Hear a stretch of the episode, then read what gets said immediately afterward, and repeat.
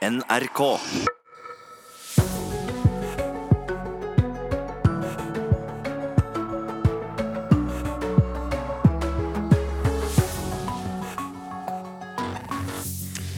God morgen. Nyhetsmorgen er i gang, og også i dag skal vi ta deg med på store og små nyheter verden over. Du skal eh, bl.a. få være med til Tyrkia. Der eh, fortsetter i dag den kontroversielle rettssaken eh, med 16 personer tiltalt for å ha organisert og finansiert Gezi Park-opprøret i 2013. De kan få opptil 3000 år i fengsel. Vi skal til New York, der Det norske fredssenteret i dag avduker sitt nye våpen foran FN-bygningen. En benk.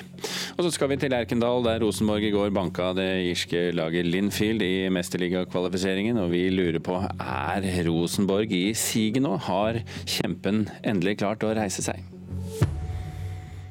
skal snakke med folk som kan uh, fotball godt, og som kan Rosenborg godt uh, litt uh, senere denne halvtimen. Nyhetsmorgen får du i dag med Birger Kolsrud Jåsund i studio.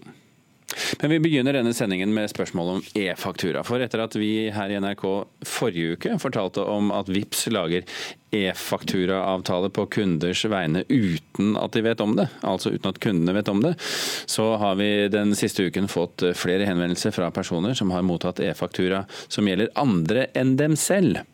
Hva? Går det, tenker du kanskje? Og ja, svaret er at det går. Du skal nå få høre om Øystein Formoe fra Vågå i Oppland, som mottok sin kones e-faktura uten at hun hadde gitt noe samtykke eller tillatelse til det.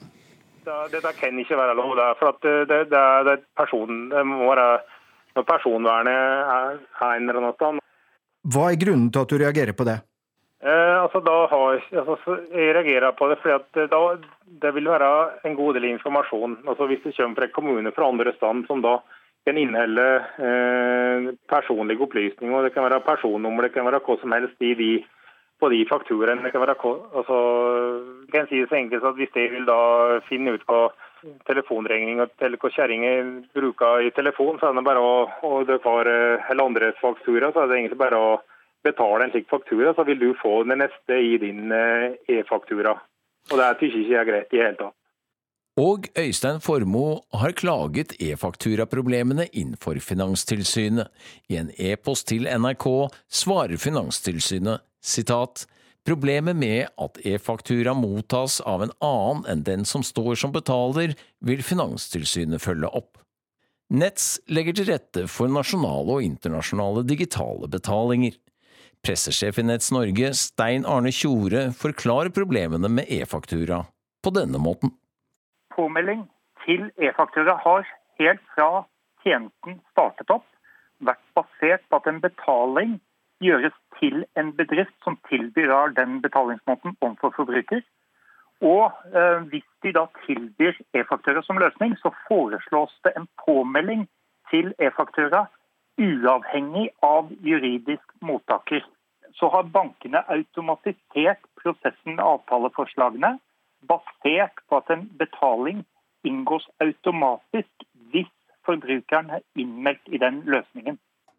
Og Øystein Formoe i Vågå håper nå Finanstilsynet tar tak i problemene med e-faktura. Det var nokså nok så nytt for dem òg at uh, de knytter et uh, kontonummer opp mot et unikt KID-nummer, slik at uh, det kan være vilkårlig hvem som da mottar den fakturaen. Så det er ikke det greit uten andre part sitt samtykke. Det, det kan ikke være greit i hele tatt. Da den senere tids hendelser eller henvendelser rundt dette har jo da ført til at både bankene og de øvrige aktørene i verdikjeden for e-faktura vil se mer rundt dette med kommunikasjonen til forbrukerne i de ulike betalingsflatene, og vurdere å stille ytterligere krav til bedriftsmarkedet for å sikre da at det er rett person som mottar rett faktura. Og Du hørte her pressesjef Stein Erik Tjore i Nets, reportere Johan B. Settem og Eirik Ramberg. Jørge Jensen, fagdirektør for finans i Forbrukerrådet, god morgen. Ja, god morgen. God morgen. Har VIPS gjort noe galt i denne saken, slik dere ser det? Eh, nei, altså VIPS har jo eh, nok vært innafor loven, men, men, det må jo også gå an å gjøre ting som er til kundens beste, som ikke baserer seg på minstekravene som ligger i, i lovene her. Og når kundene nå eh, reagerer på det, så, så tenker jeg at, eh, at, det er et godt signal når, når Nets på vegne av betalingsindustrien, og bankene òg, da, eh, sier at, at, dette skal de ta tak i når sommerferien er over. Og, og vi som forbrukere fortjener jo at de tar dette taket når, når eh, ferien er over. Men når vi skal være helt ærlige, eh, Jensen. Er det egentlig så farlig at man får denne tjenesten uten at man har spesifikt bedt om den? Ja, altså, eh, ja, personvernet er, er, jo alltid en viktig ting for, for folk flest. Og, og, når vi er blitt så digitalisert og, og, såpass mange apper som vi bruker i 2019, så, så er det lett å, å miste oversikt. Uh, og det, det, det, må jo de som utvikler tjenester for oss, også ta hensyn til. Og, det har jo VIPS gjort, for så vidt. Det, det, er relativt lett å skru av denne mekanismen. Mm. Uh, og det inngår jo i noen av de kravene Forbrukerrådet har stilt til te teknologiutviklere. At det skal være mulig å forandre vilkårene som bruker. Det skal være mulig å slette seg sjøl. Men, men, dette at VIPS, uh, VIPS tilbyr ferdig utfylte e-faktura for, for å spare papir, som de sier Eh, eh, hva tenker dere om det isolert sett? Ja, Det er nok flere grunner til å, å spare enn å spare papir. fordi betalingstjenestemarkedet er ganske stort når det teller i kroner og øre, og det er mange som har lyst inn i dette markedet. Eh, og så har vi fått en ny regulering som primært er en, en overlevering av regler som er laga i EU, som har blitt tatt inn i Norge. Og VIPS har jo her gjort som en betalingsinitieringsvirksomhet, så har de satt i gang dette. Og vi som forbrukere har jo kunne gitt samtykke til det. Men, men Unnskyld at jeg avbryter deg, Jørge Jensen, men er det du sier nå at VIPS gjør dette for å eh, eh kapre, eh, skråstrek beholde kunder? Ja, altså VIPS er jo en betalingstjeneste som utvider seg sjøl stadig. og Veldig mange forbrukere vil nok synes at denne utvidelsen her er gunstig, men det gjelder ikke alle oss, alle sammen. da. Uh, og, men det VIPS skal ha honnør for, det er jo at det er relativt enkelt å, å skru dette av. Det, det, kan vi gjøre på profilen vår i VIPS. Mm. Uh, men, men, det er klart at betalingstjenestemarkedet er i rivende utvikling, og, og for veldig mange brukere så er det flere muligheter enn hva vi er klar over. Men, men hva kan de og, og, andre lignende aktører gjøre bedre i fremtiden, da, hvis, hvis du skal komme med et eh, godt råd til eh, disse eh, bedriftene? Ja, altså Vi har laga ti råd, og det er mange av de som, som er, blir etterlevd. Det er ikke det. Men det er ett som er spesielt viktig. Det er jo at vilkårene er enkle å forstå og enkel å lese det. Og Det er særlig dette med å forstå rekkevidden av det som, som er et poeng her. Um, den forklaringa som Tjore nevner, er nok helt sikkert korrekt, men det er veldig få av oss som har tenkt på det. Uh, og Det er jo litt sånn vanskelig å forstå at uh, hvordan er det en avtale inngås, og hvem som blir juridisk ansvarlig person. Det, det kan, ramme, det kan mange ramle av. Mm, og Der er det, det kan... ting å, å, bedre. Vi er nødt til å sette strek der, vi, ja. Jørg Jensen, eh, fagdirektør for Finans i Forbrukerrådet. Tusen hjertelig takk for at du var med oss her i Nyhetsmorgen.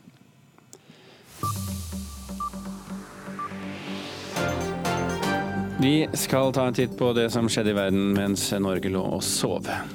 Politiet rykket før midnatt ut etter melding om masseslagsmål på Sofienberg i Oslo.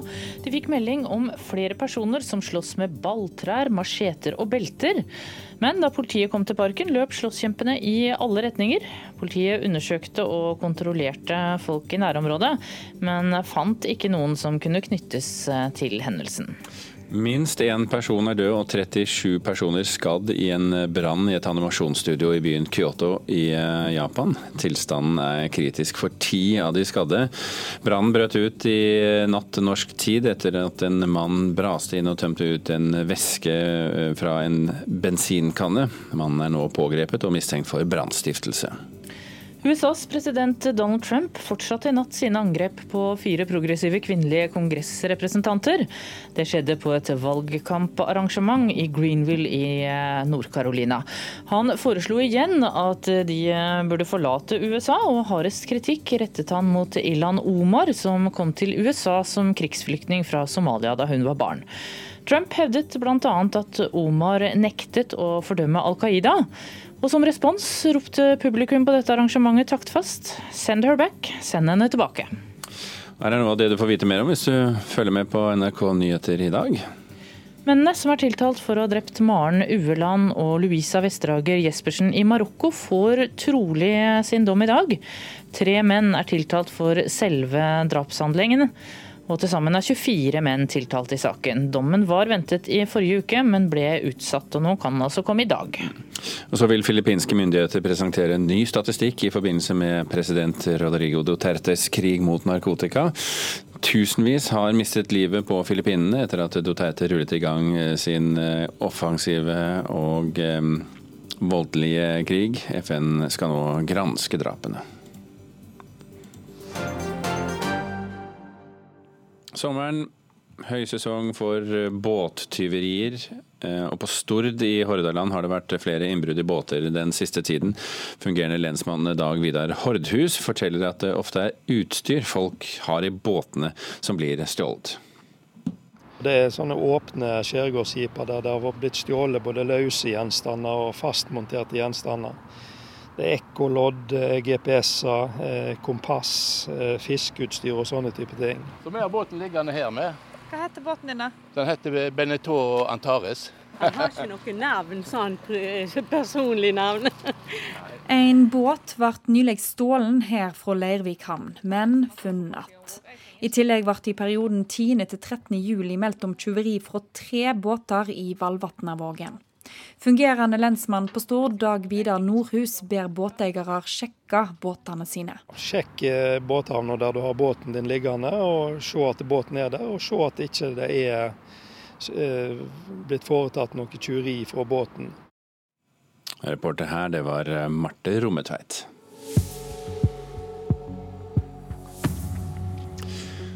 Har eh, klokken rukket å bli kvart over sju. Du hører på Nyhetsmorgen, og de viktigste sakene våre i dag det er at Finanstilsynet nå vil følge opp problemer med e-faktura. I dag forteller vi om folk som har fått andre folks e-faktura uten at noen har gitt samtykke eller tillatelse til det.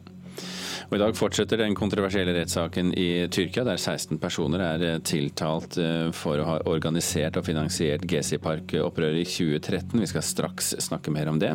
Og etter det Rosenborg, som er eh, videre i mesterligakvalifiseringen etter en imponerende kamp mot irske Linfield i går. Og vi stiller spørsmålet er kjempen nå endelig oppe på beina igjen.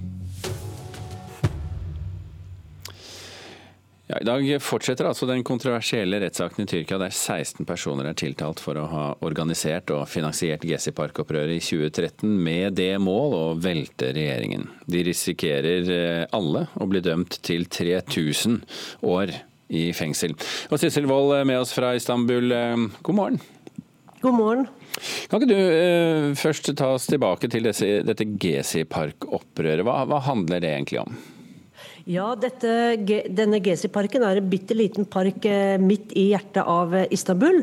og Der står det noen trær. og For eh, seks år tilbake så ville Istanbul bykommune og da statsminister Erdogan felle disse trærne for å bygge opp et stort shoppingsenter. Og da var det en gruppe aktivister som uh, mente at dette var helt feil. De ville bevare trærne, og de dro opp og slo seg ned uh, i parken.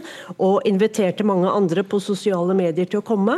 Og etter hvert så utviklet dette, dette seg ikke til å bare bli en protest uh, for å bevare trærne og en grønn lunge, men en protest mot Erdogans, som da var statsminister, statsminister Erdogans mer konservative politikk. Og dette var et opprør opprør som spredte seg til hele landet, hvor mange mange millioner eh, deltok i eh, disse demonstrasjonene, som etter hvert ble ganske voldelige.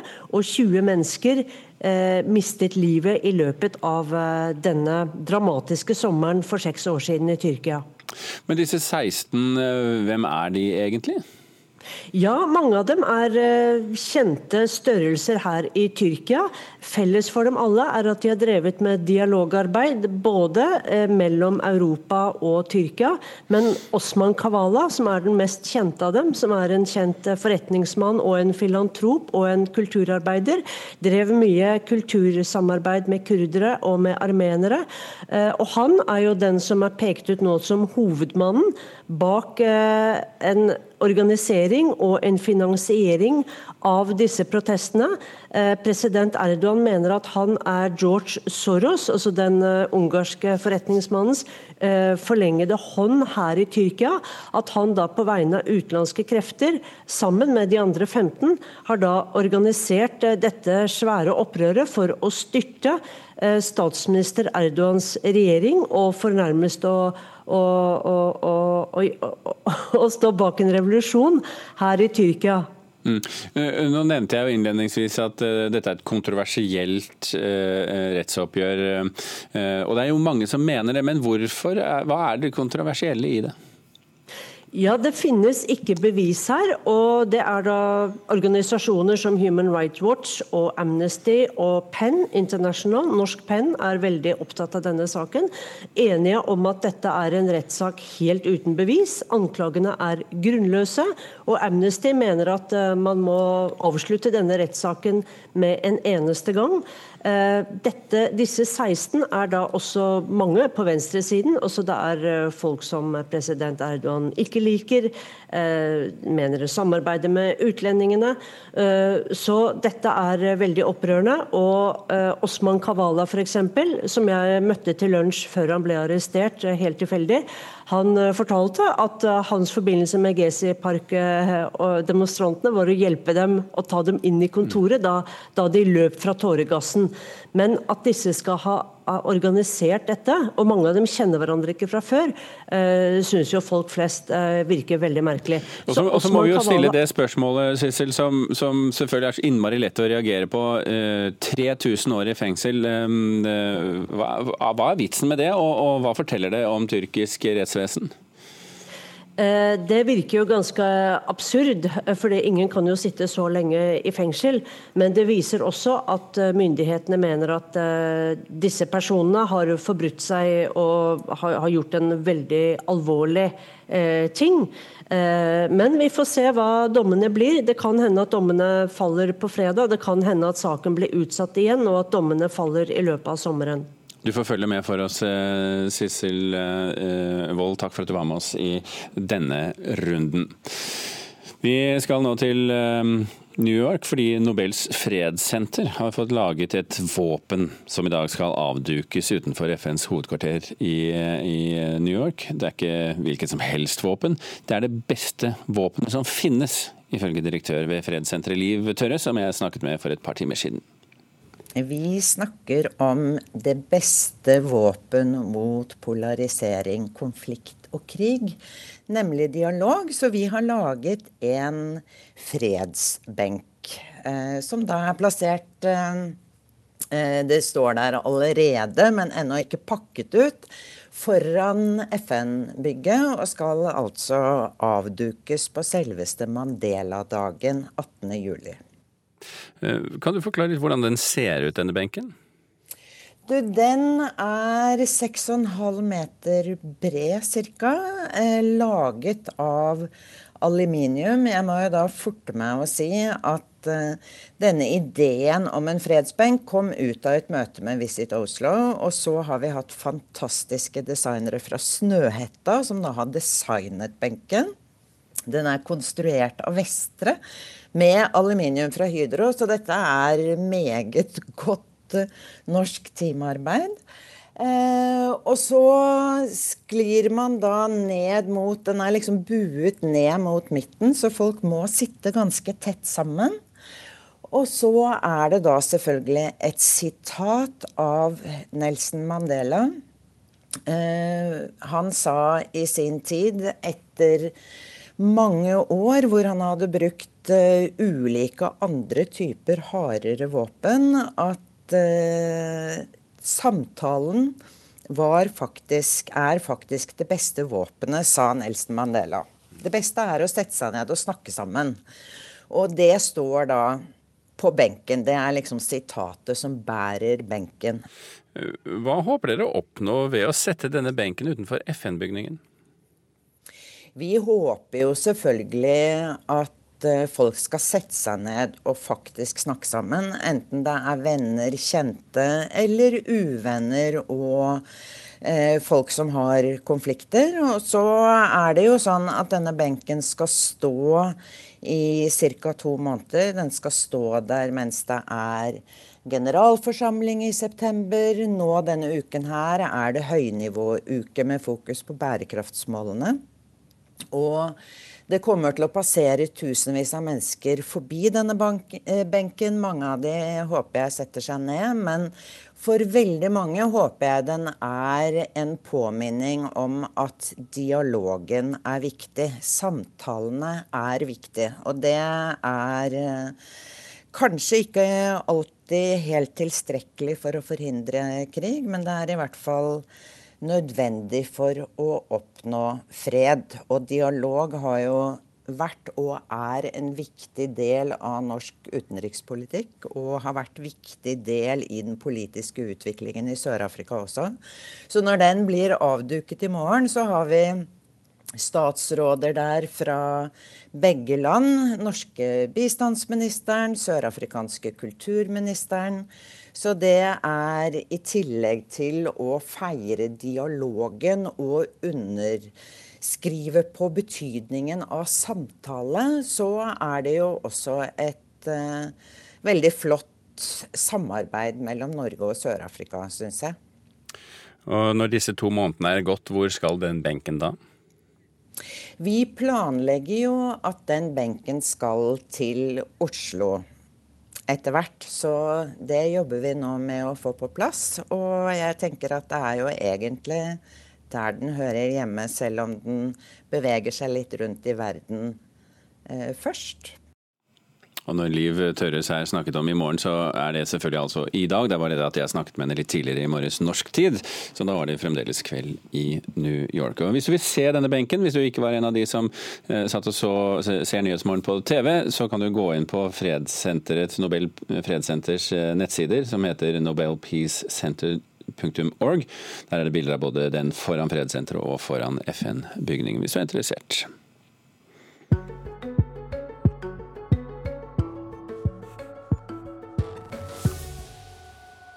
Er videre i mesterligakvalifiseringen etter en imponerende kamp mot Linfield i går. Gledelig var det også at Pål André Helland nå fant veien til nettmasken igjen. 101 dager, er det så ille? Ja, det er i hvert fall ikke 101 kamper. Pål André Helland ble overrasket da NRK påpekte at sist gang han skåret i en offisiell kamp, var i årets andre serierunde, da Rosenborg spilte 1-1 hjemme mot Odd. Nei, det er alltid artig å skåre mål. Det viktigste er at laget vinner. og så er det selvfølgelig artig å skåre. Og så hadde jeg i tillegg to målgivende. Det er like viktig for meg. Så å sette opp kameratene så de får skåre, og så er det selvfølgelig artig å sette ballen i mål sjøl. For i går fant han nok en gang veien til nettmaskene da trønderne slo Linfield 4-0, og med 6-0 totalt tok seg videre i mesterligakvalifiseringen. Men det å ta seg videre til den tredje runden tror trener Eirik Hornland blir langt mer vanskelig. Nei, Det ble mye tøffere, det gjør det. For da er det annen runde, og du møter uh, litt uh, tyngre fotballnasjoner. Enda viktigere å komme enda lenger. Så, men for å komme oss inn i Europa, så må vi nå komme oss til andre og komme oss videre derfra. Så det handler om å rett og slett ta seg videre. Vi gjør det på en overbevisende og kontrollert fin måte med 6-0 over to kamper. Føler oss egentlig aldri trua. I den andre runde møter trønderne hviterussiske Bate Borisov. Reporter her det var Marte Nyløkken Helseth. NRKs fotballekspert Karl Erik Torp, eh, god morgen. Torp, eh, dere hører meg, eller? Ja, jeg hører deg. Jeg ser at vi har litt eh, forsinkelse på linja her, men vi får gjøre det beste ut av det, Karl Erik. Det ble jo en behagelig og relativt overbevisende resultat for Rosenborg i går. Var de så overlegne som resultatet skulle tilsi? Ja, altså nå har ikke jeg fått sett, sett begge matchene, men jeg, jeg, det jeg har sett, så har de, var de solide. og det, de, gjorde, de, gjorde, jobben, eh, som de sier selv også. det det minner jo litt om første runde i, NM eh, lokalt også. Der, der sleit de faktisk enda mer mot Rørvik, hvor de bare vant 1-3. Så de, de, gjorde jobben veldig godt uh, mot, uh, mot Linfield. Og så, og så, blir det tøffere, tøffere allerede i neste runde. Ja, Hva slags lag møter de da? Så, det er dette laget som heter Bate Borisov fra Hviterussland? Ja, Bate Borisov er jo et, et, rutinert europeisk lag. Altså, de, har, eh, de, er 13 eh, ganger uh, seriemestere i, i, hjemlig liga i Hviterussland, så det, det, minner jo litt om, om Rosborg sin storhetstid. Og så, så er det et, et lag som, som, er litt på vei ned. De har, hadde noen veldig sånn, Vi kjenner dem godt fra Champions League, hvor de, hvor de var med flere år på rad og har tatt, stort sett vært i Europa. Så de har, de har veldig god erfaring i Europa. så de de drar nytte av det. De slet seg litt, eh, litt gjennom første runde, hvor de slo Piast Gliwice fra, fra Polen. og så, så, tror jeg det er muligheter, ålreite muligheter for Rosenborg, men de men det blir jo selvfølgelig noe helt annet enn det de møtte første runde. Men de, men de møter et, et, rutinert lag i Europa, først og fremst. Men Rosenborg er jo også da, teoretisk et rutinert lag i Europa. Riktignok ikke vært i gruppespillet i, i, Champions League siden 2007. Hva taler for og hva taler imot at de skal klare å, å kvalifisere seg igjen?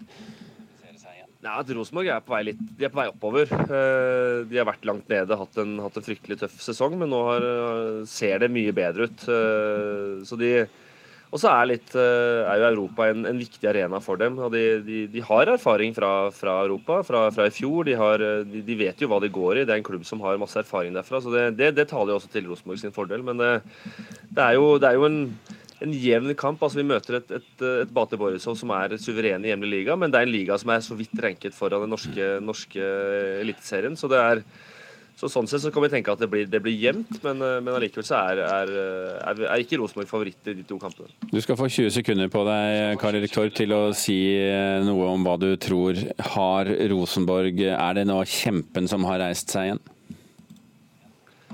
Ja, altså jeg syns de, de at de har svart litt eh, og kommet seg litt opp igjen, det, det, det har vi forventet og ventet på. Men jeg syns fortsatt Rosenborg er langt unna der vi, vi forventer og, og, er vant til å se dem. Så de, de har fortsatt mye å gå på, men, men det er bedring. og det, det er viktig inn, inn i disse europeiske kampene. For, for, norsk fotball trenger eh, lag, sånn som de andre lagene som skal til Europa, ut i Europa i kveld. De, de, vi trenger at de presterer for norsk fotball. Det var over 20 sekunder. Eh, takk skal du ha.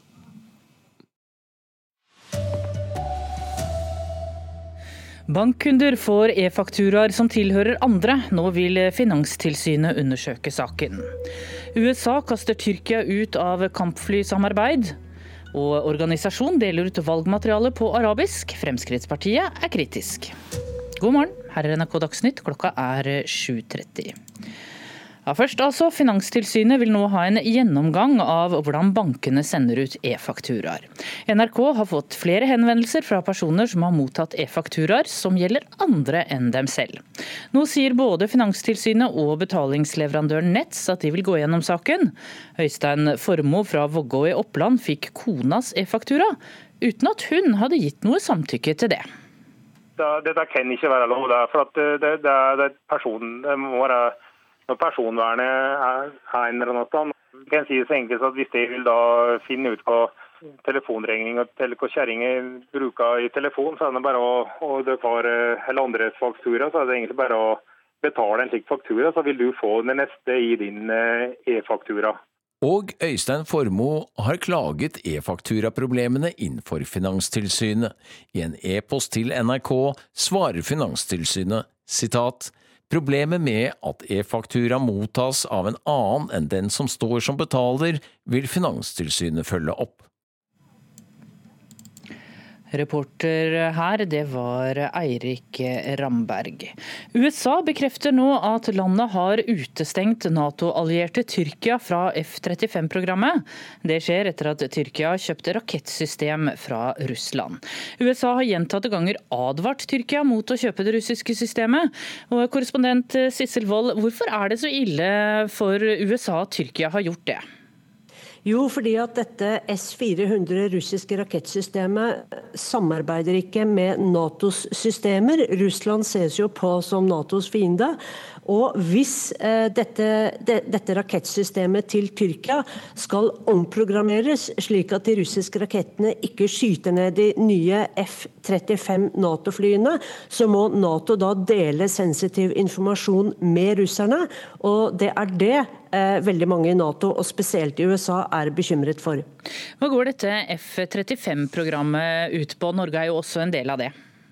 Ja, dette er den nye generasjonen jagerflysystem som Nato har jobbet lenge med. Og Tyrkia har også levert en del deler til F-35-systemet. Så Russ eh, Tyrkia er jo også en del av produksjonen av F-35-programmet. Og dette er også et problem. Erdogan sier at eh, hele F-35-programmet vil kollapse om Tyrkia ikke deltar. Hvordan reagerer Tyrkia på å bli eh, utestengt? Ja, Tyrkerne sier at dette er ikke i forsvarsalliansens ånd, men USA vil da si at det heller ikke er i Natos ånd å kjøpe russiske raketter. Men det Tyrkia frykter mest, er at USA samtidig de neste dagene kommer til å innføre økonomiske sanksjoner mot eh, Tyrkia. Det har USA truet med, og det er noe som tyrkere er veldig redde for i en økonomisk eh, veldig vanskelig situasjon som landet befinner seg i nå. Takk, korrespondent eh, Sissel Wold. Minst 1600 mennesker er døde som følge av ebolautbruddet i Kongo. Nå erklærer Verdens helseorganisasjon at dette er en folkehelsekrise av internasjonal viktighet. Kongo-utbruddet er det nest dødeligste ebolautbruddet hittil. Et lite barn får ebolavaksine på en vaksinasjonsklinikk i Kongo. På et helsesenter like ved går helsearbeidere i heldekkende beskyttelsesdrakter og behandler pasienter som er smittet av det farlige viruset. Minst 1600 mennesker har omkommet av ebola etter at det ble påvist i landet i fjor. Etter at viruset denne uka spredde seg til storbyen Goma, erklærte lederen av Verdens helseorganisasjon at det er en internasjonal folkehelsekrise. The committee recommended that I declare the outbreak a public health emergency of international concern. Kongo-utbruddet er historiens nest dødeligste ebolautbrudd, og rammer en region som beskrives som en krigssone i et område med mange militser. Verdens helseorganisasjon er redd for at det farlige viruset skal spre seg videre og folk i millionbyen Goma er bekymret. Jeg ble redd da jeg hørte at ebola har spredd seg til Goma, sier en mann til nyhetsbyrået Reuters. Det er fjerde gang noensinne at Verdens helseorganisasjon erklærer global helsekrise. FN-organisasjonen håper erklæringen vil bety mer internasjonal oppmerksomhet og hjelp til Kongo. Det sa utenriksmedarbeider Inger Marit Kolstad Bråten. Organisasjonen Fakkeltog deler nå ut informasjon om årets kommunevalg på arabisk. Bare litt over halvparten av innvandrere fra land utenfor Europa brukte stemmeretten under stortingsvalget for to år siden. Informasjon er viktig for integreringen, mener daglig leder for organisasjonen Hege Horsberg. Det å engasjere seg i valget. Det er veldig viktig for inkluderinga. Det betyr at du må se eh, hvordan de ulike partiene stemmer overens med det du bryr deg om. Og nettopp derfor så bestemte vi oss også for å intervjue alle de representanter fra alle de politiske partiene. Men innvandringspolitisk talsperson Jon Helgheim i Fremskrittspartiet mener stemmeretten bare burde gjelde folk med norsk statsborgerskap som kan norsk. Hvis du skal eh, bo i landet og engasjere deg i, i, landet, så bør det være et minstekrav at du har lært deg norsk. Eh, men nå er jo engang reglene sånn at man ikke trenger å være statsborger for å kunne stemme ved valg. Men det er i altfor stor grad at man eh, henvender seg til arabiske land og den type ting. Eh, akkurat som det skulle være viktigere enn den store innvandrergruppen som kommer fra eh, andre deler av Europa. Nobels fredssenter har fått laget et våpen som i dag skal avdukes utenfor FNs hovedkvarter i New York. Og det er ikke et hvilket som helst våpen, sier direktør ved fredssenteret Liv Tørres. Vi snakker om det beste våpen mot polarisering, konflikt og krig, nemlig dialog. Så vi har laget en fredsbenk, eh, som da er plassert eh, Det står der allerede, men ennå ikke pakket ut foran FN-bygget, og skal altså avdukes på selveste Mandela-dagen 18.07. Og så er det da selvfølgelig et sitat av Nelson Mandela. Han sa i sin tid, etter mange år hvor han hadde brukt uh, ulike andre typer hardere våpen, at uh, samtalen faktisk, er faktisk det beste våpenet, sa Nelson Mandela. Det beste er å sette seg ned og snakke sammen. Og det står da på benken. Det er liksom sitatet som bærer benken. Sommerværet har for alvor truffet store deler av Østlandet de siste par ukene, og det lokker flere til fjells. Vi har hatt et eh, bra besøk her på Gjendesheim hittil i sommer. Det er en liten nedgang fra i fjor. Men eh, hvis du ser på snittet på de siste årene, så har det vært en veldig bra sommer hittil også. Det sier Marius Haugaløkken, som er vertskap på Gjendesheim i Jotunheimen. Trenden de siste årene viser at det eh, hvert år er en økning i antall fjellturister. Det viser også NRKs undersøkelser etter å ha kontaktet en rekke hytter i fjellheimen. I tillegg nå så ser vi en økning blant gjester fra Sverige og Danmark, så jeg tror på en måte at eh, mange velger å reise i stedet for å reise langt av gårde, så reiser de kanskje til nabolandet for å feriere. Sommerens store moteord er flyskam. Marius Haugaløkken forteller at også de har fått merke at folk har blitt mer bevisste på hvordan de kommer seg på ferie. Jeg hadde senest en stor gjeng med svensker i går som hadde tatt eh, tog til Oslo. Så Det var jo svenskene som fant opp ordet flugskam, og det kommer oss til gode igjen. da. Og miljøet, ikke minst. Ifølge Haugaløkken har de også sett en økning i antall ungdom og barnefamilier som snører på seg fjellskoene. Men er det et eh, tegn på at dagens ungdom er blitt sprekere? Det kan nok være at de blir sprekere, og så liker de å vise fram at de er spreke. Det er gud bedre hvor mange selfier det er blitt tatt opp i fjellet her. Også Den norske turistforening har merket at stadig flere velger å legge ferien sin i den norske fjellheimen, forteller Monica Hegglund Langen i DNT. Det er jo veldig positivt at, eh, at flere får øya opp for, eh, for friluftsliv, og det at eh, Norge innbyr til bruk av en unik og variert natur året rundt. Reporter høyt fjells var Anders Bakkerud Larsen. Men eh, akkurat nå er det ikke så lett å komme seg til fjells, i alle fall ikke med Bergensbanen.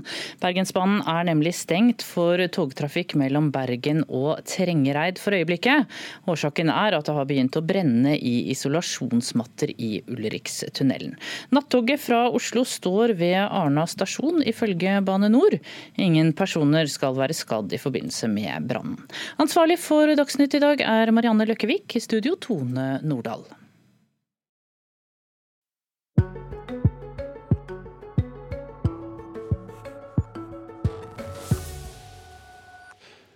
I Lærdal, en av Norges grønne og vakre kommuner, er sentrum fullt av døde humler. De ligger strødd under de store trærne i parken i sentrum, og forskerne sier at dette er jo for så vidt et kjent fenomen, at humler dør når de driver og jobber i denne tresorten parklind.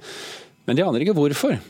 I Lærdal er det nesten eh, vanskelig å unngå å trå på de eh, når, de beveger, når folk beveger seg under eh, trærne. Ja, det er på alle trærne vi har passert nå. har Vi passert en eh, tre fra der vi begynte å gå. Og Der ligger det under alle sammen. Liv Jenny Larsen går fra tre til tre på Lærdalsøyri i hjertet av en av Norges fremste grøntkommuner. I gresset under de store parklindtrærne ligger det humle etter humle etter humle. Alle er døde. Når du ser eh, hvor mange tre som er her, og du ser under omtrent samtlige trær at det ligger borte mellom 30 og 50, kanskje 100 eh, humler under hver, så, eh, så er ikke det greit i det hele tatt. Det er et fenomen forskerne kjenner godt til fra hele landet. At det på denne tida, når parklindtrærne blomstrer, så dør humlene i hopetall. Men de aner ikke hvorfor, forteller zoolog Petter Bøckmann. Det har vært kjent siden 17 1800-tallet at disse store mengdene med humle dukker opp, men det er ingen som har klart å finne ut hvorfor. Eh, kanskje det er nektaren som er giftig, kanskje det rett og slett bare er at det er mye nektar, at det er et sted hvor mange humler oppholder seg, og derved blir mange døde som dukker opp. Eh, kanskje er det at eh, det er noe gærent med nektaren, sånn at den ikke inneholder akkurat de stoffene humla trenger, sånn at de rett og slett dør av feilernæring i matfatet. Det kan være at den nektaren fungerer nærmest som en slags narkotika som tiltrekker seg humler, som så ikke klarer å komme seg derifra. Så det er mange teorier, men vi har liksom ikke noen sånn håndfast forklaring på hvorfor akkurat humle akkurat under denne typen trær. Men vi kan prøve å gå litt bortover, skal vi se om vi ser uh... Larsen går videre i parken i Lærdal. Og under noen av trærne er det nesten vanskelig å ikke trakke på døde humler. Hun mener trærne burde vært hogd ned, om det er slik at det er de som er synderen.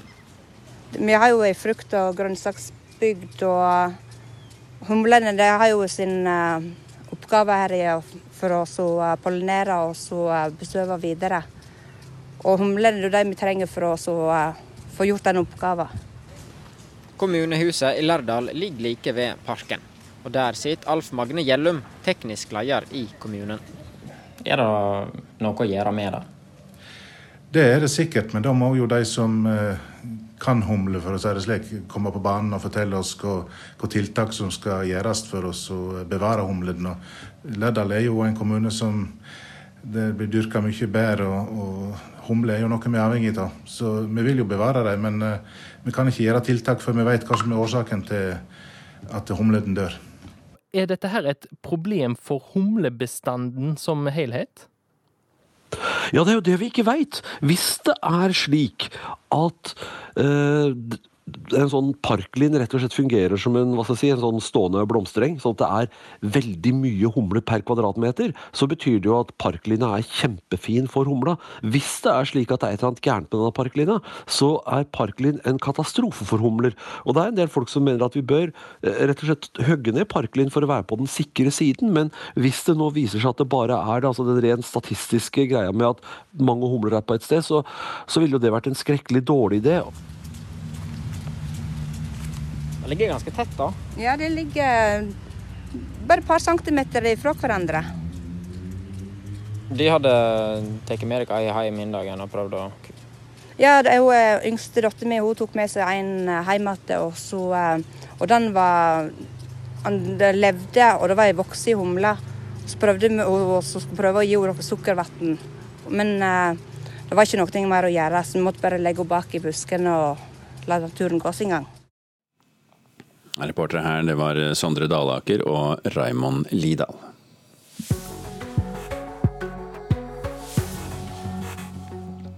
Klokken er passert kvart på åtte. Du hører på Nyhetsmorgen, og toppsakene våre er som følger i dag.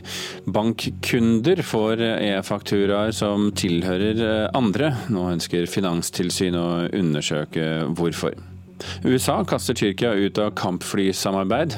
Tyrkia har kjøpt et russisk rakettsystem, og USA frykter at russerne får spionere på F-35-flyet når rakettsystemet skal tilpasses amerikanernes kampfly.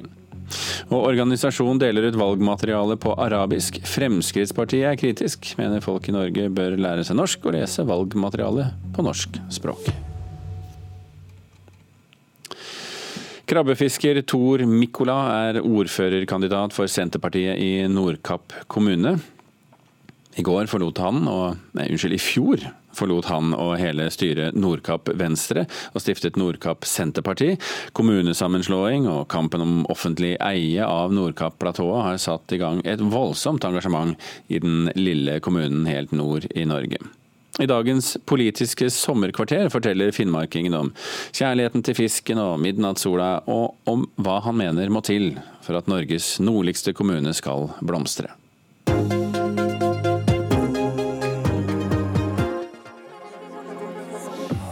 Nei, Akkurat nå så er jeg mannskap med, med fruen min som har egen båt, og så fisker vi krabbe. Kongekrabbe. Når Tor Mikkola ikke er en del av mannskapet på sin kones båt, er han politiker og ordførerkandidat for Senterpartiet i Nordkapp kommune.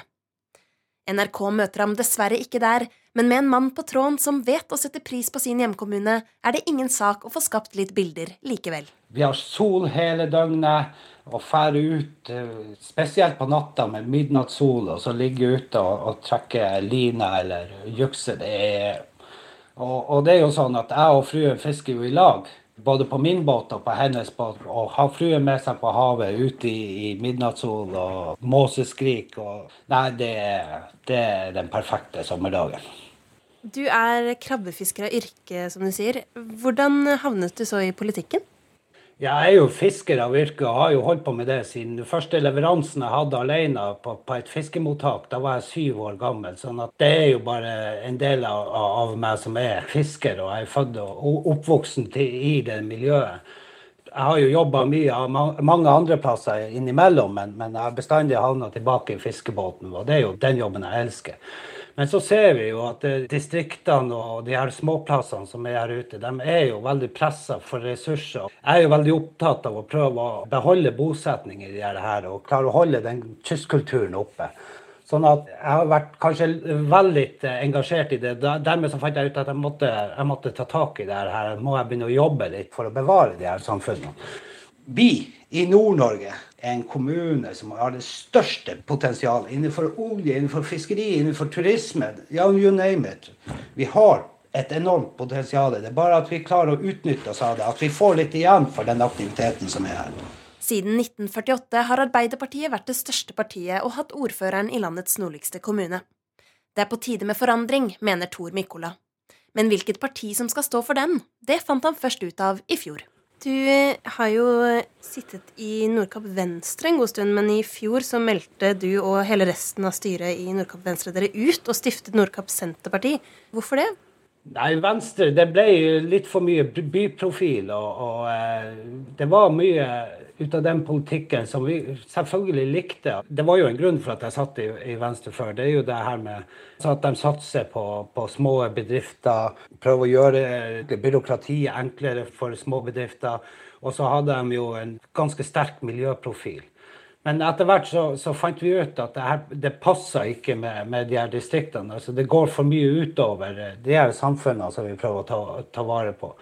Og, og det, det, ikke, det passa ikke inn i den sentrale politikken i Venstre. Og vi sleit bare mer og mer. Og da, da, fant vi ut at nei, hva er det som vi ønsker å oppnå? og Hva er grunnverdiene våre? Så vi diskuterte det ganske mye. Og det var ikke noe tvil. Vi alle sammen ble helt overbevist om at vi var nødt til å gå over i Senterpartiet hvis vi skulle sørge for at det bor folk på sånne her plasser i fremtida. Hva er det med Senterpartiets politikk som passer dere så godt, da? Nei, det er jo det her med si, nær folk. Det at uh, tjenestene skal være nær folk, at beslutninger skal tas nær folk. Altså Man henter verdiene fra folket for å forme politikken. Og, det, og det, det, er liksom det som er viktig for oss for at vi skal bestå som samfunn. Vi er nødt til å ha tjenester nær folk. Og det er vi som vet best hva som trengs for at, at de her samfunnene skal bestå. Så Derfor må også beslutningene tas nær folk. Før sommeren så sa Ap-leder Jonas Gahr Støre at uh, Senterpartiet er et uh, populistisk slagordparti. Hva tenker du om det?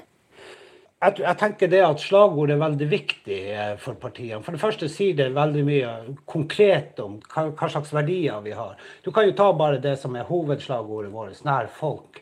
Det forteller folk at, at hvor vi henter verdiene ifra. I tillegg så er det jo også viktig for oss som skal, skal føre den politikken, å ha de her slagordene. fordi det, det, forteller oss hvordan vi skal jobbe. I, I, tillegg så er det jo sånn at når man er i et parti som gjør det veldig bra, så er det jo kanskje lett å si at man er populistisk. Men man skal jo føre en politikk som er folk tror på. Og da blir man jo på en måte populær når man treffer godt med, med god politikk og gode slagord det, det, trenger ikke å være negativt at man blir sett på som populistisk. Det er vel nettopp det at vi gjør det bra som gjør at, at man bruker sånne egentlig tulleargumenter. Nå har jo du gått over fra Venstre til da, Senterpartiet, som på målinger gjør det svært godt i de nordlige fylkene. Vil du si at du også er populistisk? Vi meldte oss jo inn i, i Senterpartiet. De var jo, selvfølgelig hadde de hatt en del fremgang da, men det var jo ikke blitt et så stort parti enda da. Og, og, og det kan si økninga har jo vært i ettertid. Vi oppdaga jo egentlig at Senterpartiet fører en politikk som gagner oss best. Og det tenker jeg det er mange andre som har gjort det, og derfor så er det blitt stort. Vi starta Senterpartiet i mai i fjor. Stifta det da. Det hadde ikke vært eh, Senterpartiet på mange år her som har fungert. Og i dag så er vi det nest største lokallaget i Troms og Finnmark. Så du har altså gått over fra Venstre til Senterpartiet i kommunestyret i Nordkapp. Og nå er du ordførerkandidat for Senterpartiet og står midt i valgkampen der. Du har sittet på Sametinget for Nordkalottfolket, men du har ikke tenkt å melde deg inn i Senterpartiet på Sametinget. Du er en mann eh, med flere hatter. Tror du dette er litt forvirrende for folk? Vet de hva de får hvis de stemmer på deg? Ja, det, det, er klart at det kan være forvirrende for folk, men jeg tenker her i kommunen så har jeg hatt en ganske klar og tydelig profil. Grunnen til at det er blitt sånn her, det er jo fordi at jeg ønsker å jobbe for samfunnet her. Og for at jeg skulle stille som ordførerkandidat her, så var jeg jo nødt til å ta et valg i forhold til Sametinget. sånn at jeg har egentlig valgt lokalpolitikken og valgt, velger å, å, jobbe for, for, eh, innbyggerne her i kommunen fremfor å, å satse på karriere innenfor Sametinget og, og, og, den veien. Jeg har jo også fått forespørsler om å stå på fylkeslisten, men jeg har sagt nei til det fordi at jeg, jeg har lyst til å jobbe for lokalpolitikken her.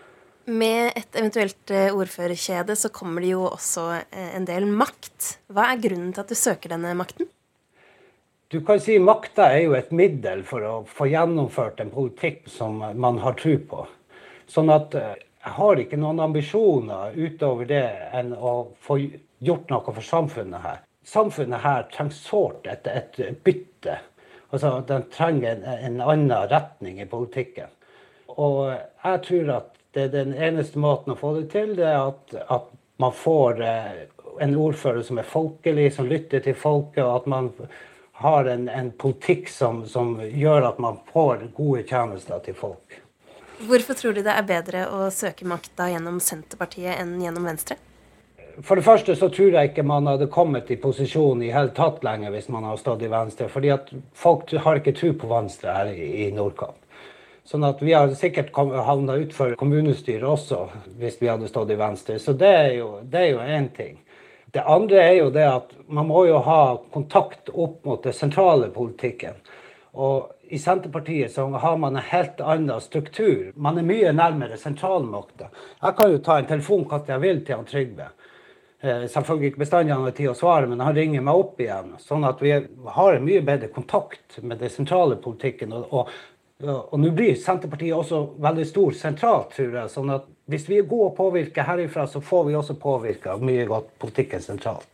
En av de sakene som det har vært mye engasjement rundt, er jo kampen om Nordkapp, om man kan kalle det det. Og Nordkapp kommune vedtok da i juni med ti mot ni stemmer å forlenge Scandic og Rikas omstridte monopol på å drifte anlegg og kreve inn avgift på Nordkapp-platået. Hvordan reagerte du på dette? Nei, det er en blanda følelse. Jeg må jo si at eh, det føltes som et overgrep. Ikke bare for meg, men, men når man kom ut på plassen på yttersida, det var samla seg masse folk på yttersida, de fulgte med. De hadde, ja, de hadde engasjert seg og satt seg inn i saken. Og når man kommer ut av rådhuset etter at den saken var vedtatt, og ser at mesteparten står og, og, og gråter helt oppriktig det, det, var så mye følelser, og, og folk var så lei seg. Så det, det, er jo et jeg vet ikke, det er et overtramp av, av befolkninga at, at, man kunne gjøre det vedtaket der. Det andre er jo det at det var faktisk en seier i seg sjøl. For vi hadde jo ikke forventa, ettersom vi kjenner de som har styringa i dag, de, altså posisjonen i dag, så hadde vi ikke forventa at de kom til å gjøre noe annet. fordi at de har vært klar hele tida. Men, men, det å få den oppmerksomheten rundt hva det som egentlig skjer her i kommunen. Og, og det også å få det engasjementet i folket som har vært nå, det har vært helt fantastisk. Folk står og klemmer på hverandre, folk støtter hverandre. Folk eh, tør å engasjere seg og si sin mening. Det har vært helt fantastisk. Det har vært en oppvåkning her i kommunen. Så det er fullt av folk som virkelig ønsker noe. Det har ikke jeg sett siden jeg flytta hit til kommunen. Hvorfor engasjerer denne saken så voldsomt, tror du? Nordkapp ble jo på en måte kolonisert for 100 år siden, hvor, hvor lokalbefolkninga nå i 100 år har vært litt holdt ut fra den aktiviteten som har skjedd der oppe. Så er det jo sånn at, at uh, nå har jo Rika hatt festeavtale der oppe i, mange år og ikke klart å utvikle turistnæringa nok. Og man har ikke klart å skape nok lokale, si, lokale arbeidsplasser. I tillegg så har kommunen mye av kostnadene for den turismen som kommer hit. Både i forhold til beredskap, i forhold til veivedlikehold, i forhold til, til å, å, legge til rette for en enorm eh, turisme. Vi har jo litt arbeidsplasser, litt skatteinngang på det, men vi har veldig lite igjen for det. Så, så det, turismen for Nordkapp kommune er stort sett en kostnad. Det, det, er ingen som forstår at en kommune skal ønske å gjøre et sånt område privat. For den kunne ha generert enorme verdier. Her i kommunen så må vi legge ned barnehager, vi må legge ned skoler, vi må, vi må stenge kirken. Vi har ikke råd til veivedlikehold. Vi har ikke råd til å ta oss av eh, alle de andre områdene her. Sånn at det er ikke lagt til rette for den turismen. Dermed så får vi slitasjer overalt, i, i, både i naturen og vi, vi får ikke den verdiskapningen som vi skal ønske. En annen eh, betent eh, tematikk i Finnmark er jo denne kommunesammenslåingen. Og Jonas Gahr Støre har jo nå åpnet for å oppheve sammenslåingen av Troms og Finnmark dersom fylkestinget vil dette i 2021. Senterpartiet har vært tydelige på at de vil reversere det hele, og Venstre ønsker fremdeles å gjennomføre det. Hva vil du? Nei, vil, eh, Det er helt klart at jeg vil at eh, Finnmark skal bestå som egen fylke. og Det, det er mange gode grunner til det. Og bare som et svar på det med, med Hans Støre har vært her og sagt at han åpner døra for at, at man skal kunne, kunne reversere det her. Det vil jo ikke si det samme som at de egentlig står for det. Jeg tenker det er bare tomme ord. Om du åpner døra, så er det jo ikke, ikke sikkert at hunden stikker ut, for å si det sånn. Det er for svakt. Arbeiderpartiet må ta et standpunkt i denne saken, ikke bare åpne for, for det sier ingenting. Har du blitt truet eller hetset som politiker? Ja, det har jeg jo selvfølgelig. Det er nå engang sånn at de som stikker hodet frem, blir røska litt i ørene. Sånn er det bare. Er man en eh, hard politiker som har harde meninger, så, så, må man regne med at folk reagerer. Og jeg vil si det sånn at, at en naturlig del av det å være politiker er nok at man får litt, ja, man får litt tyn. Kan eh, velgerne stole på at du blir værende i Senterpartiet nå da, og ikke bytter parti neste gang en stor sak gjør seg aktuell i kommunen? Jeg tror velgerne kan stole på at jeg jobber til det beste for samfunnet. Og at jeg blir værende i Senterpartiet, ja, det er helt klart at jeg blir værende i Senterpartiet nå.